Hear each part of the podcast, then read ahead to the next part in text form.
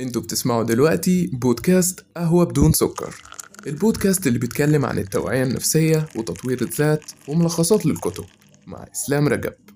أهلا بيكم في قهوة بدون سكر. إيه الأخبار؟ يا رب تكونوا بخير وكل أموركم ماشية تمام ومتظبطة ومتيسرة. يا رب وكل أموركم ماشية على خير. النهاردة هشارك معاكم كتابين من أكتر الكتب اللي أثرت في حياتي وفعلا فرقت معايا بالإيجاب وأثرت على قرارات معايا ممكن مش من فترة كبيرة قرأتهم بس حقيقي من بعد ما قرأتهم حياتي اتغيرت. مش كلام تنمية بشرية بس حقيقي فهمت نفسي بشكل صح. قدرت إن أنا أقيم حاجات كتير في علاقاتي قدرت إن أنا أغير حاجات كتير في منظوري للحياة بشكل عام. طب خلونا كده نعرف إيه هما الكتابين بدون مقدمات وبدون أي تشويق. مبدئيا كده هما الكتابين للدكتور محمد طه الغني عن التعريف طبعا دكتور علم النفس والجدير بالذكر إن هو عامل أربع كتب آه الخروج عن النص علاقات خطرة لا بطعم الفلامنكو ذكر شرقي منقرض. أنا النهاردة هكلمكم عن كتابين منهم بس وهما الخروج عن النص وعلاقات خطرة.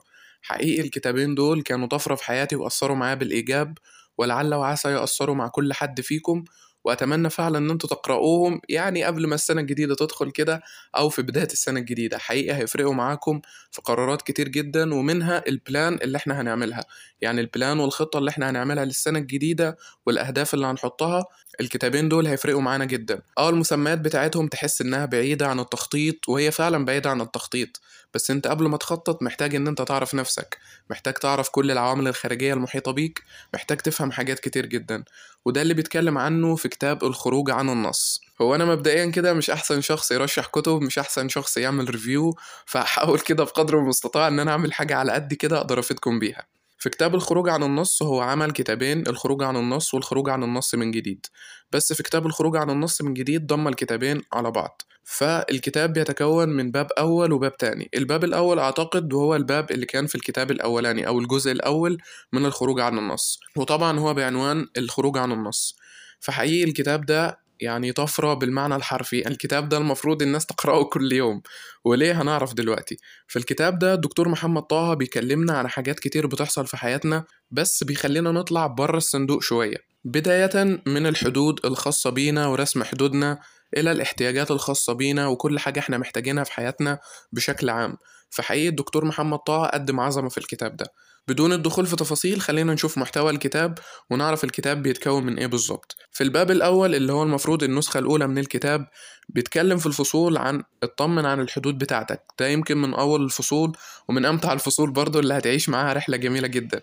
بيتكلم عن الحدود بتاعتك إزاي تحميها إزاي تفهم نفسك صح إزاي تبني أصلا حدود للأشخاص اللي حواليك. ما تسيبش حياتك عايمة كده وماشي على الله حكايتك وما بتعملش أي حاجة فهيعلمك إزاي تعمل ده وما تقلقش جدا لأن أسلوب الدكتور محمد طه هيجبرك إن أنت أصلا تخلص الكتاب في يوم أو يومين بالكتير. بعد كده بيتكلم وبيعمل مقارنة عن نفسك الحقيقية ونفسك المزيفة. بس حقيقي هتلاقوا كم كبير جدا من الحاجات اللي بتوصف مشاعرنا وبتوصف شخصيتنا وبتوصف حاجات كتير في حياتنا إحنا بنعيشها في الفصول دي. بعديه فصل مثلا ليه بنكرر نفس الغلطة عن التكرار القهري طبعا المواقف الغير منتهية مشاعرك اللي هي مش مشاعرك أصلا. علاقات خطرة أنت وعالمك الداخلي الخروج عن النص الحاجة إلى الشوفان طبعا الحاجة إلى الشوفان إن إحنا محتاجين إن إحنا نتشاف محتاجين إن إحنا نتقدر حاجات من النوعية دي. أوعى تكون مدمن دورك في سيناريو حياتك نصف حياة أقوى سلاح في تاريخ البشرية عن الاحتياج للحضن. فحقيقي يعني الباب الأول بيتضمن مواضيع يعني أنت شفتها كده أو أنت سمعت العناوين بتاعة المواضيع حبيت إن أنت تقرأ الكتاب لأن حسيتها بتوصفك وهتوصف جزء كبير منك وهتجيب حاجات كتير جدا من أعماقك ومن جواك.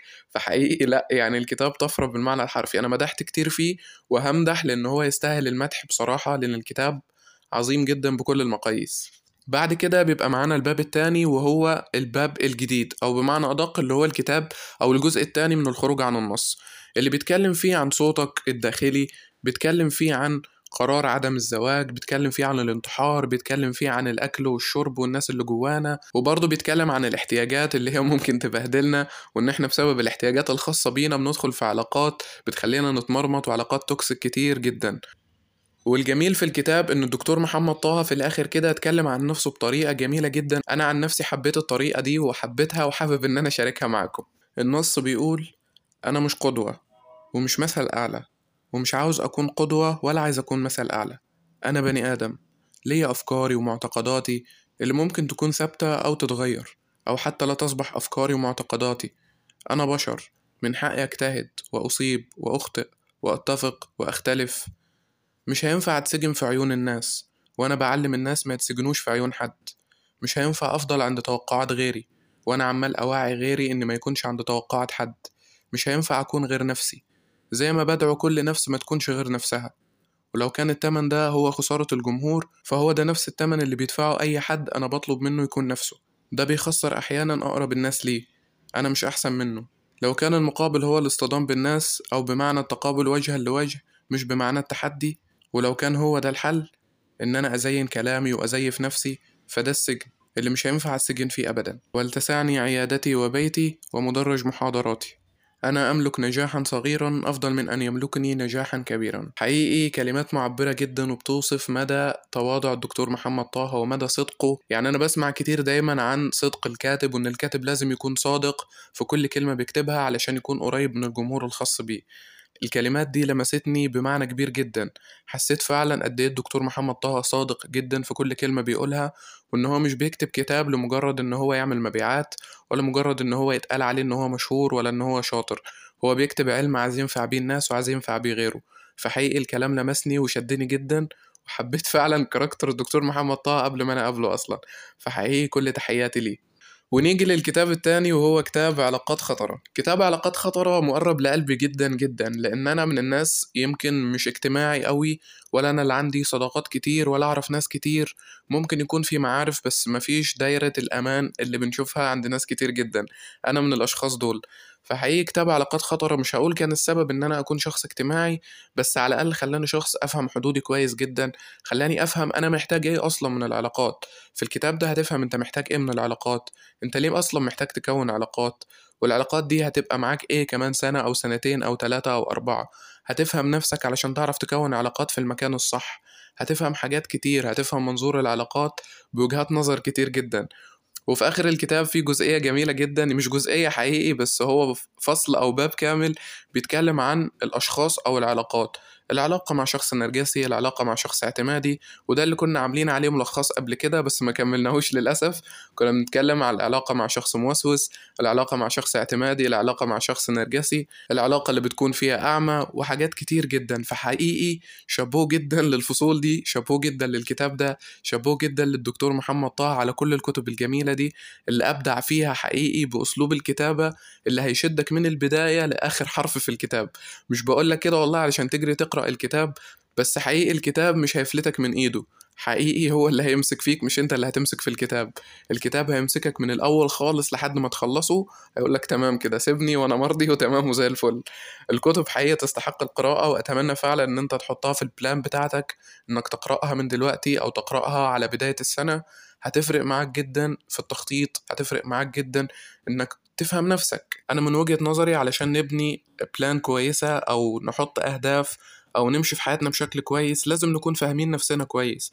علشان نبني علاقات صحية فأنا لازم أكون فاهم نفسي كويس. لازم أكون عارف أنا محتاج إيه عارف أنا داخل على إيه عارف الاحتياجات اللي عندي عارف هو أنا أصلا بتعامل بالاحتياجات دي علشان الاحتياجات دي بتاعتي أنا ولا بتاعت حد تاني.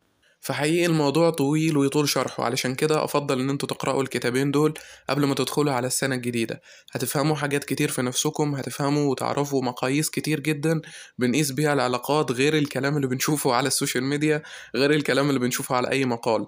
الكتب دي لا بديل لها بالمعنى الحرفي. وشابوه تالت مرة أو رابع مرة للدكتور محمد طه. أتمنى فعلا تقرأوا الكتابين دول أنا مش أحسن حد بيعمل مراجعات للكتب مش آه، أحسن حاجة بصراحة. أنا حاولت إن أنا أقرأ من الفهرس المواضيع وحاولت برضو من خلال قراءتي ليهم أفهمكم الرؤية العامة للكتب وهي بتتكلم عن إيه وهو هيذكر فيها إيه. وأتمنى أكون فعلا أفدتكم في الجزئية دي. أنا أول مرة أتكلم عن كتب بالشكل ده فاعذروني لو الموضوع ما كانش بشكل مثالي أو بشكل كويس. فحاولت إن أنا أشارككم الكتابين دول وقلت لازم أطلع أقول. لأن حقيقي الكتابين دول هيفرقوا معاكم جدا. أتمنى أكون أفدتكم ولو بجزء بسيط وعذرا على الإطالة وأشوفكم في حلقة جديدة مع بودكاست قهوة بدون سكر.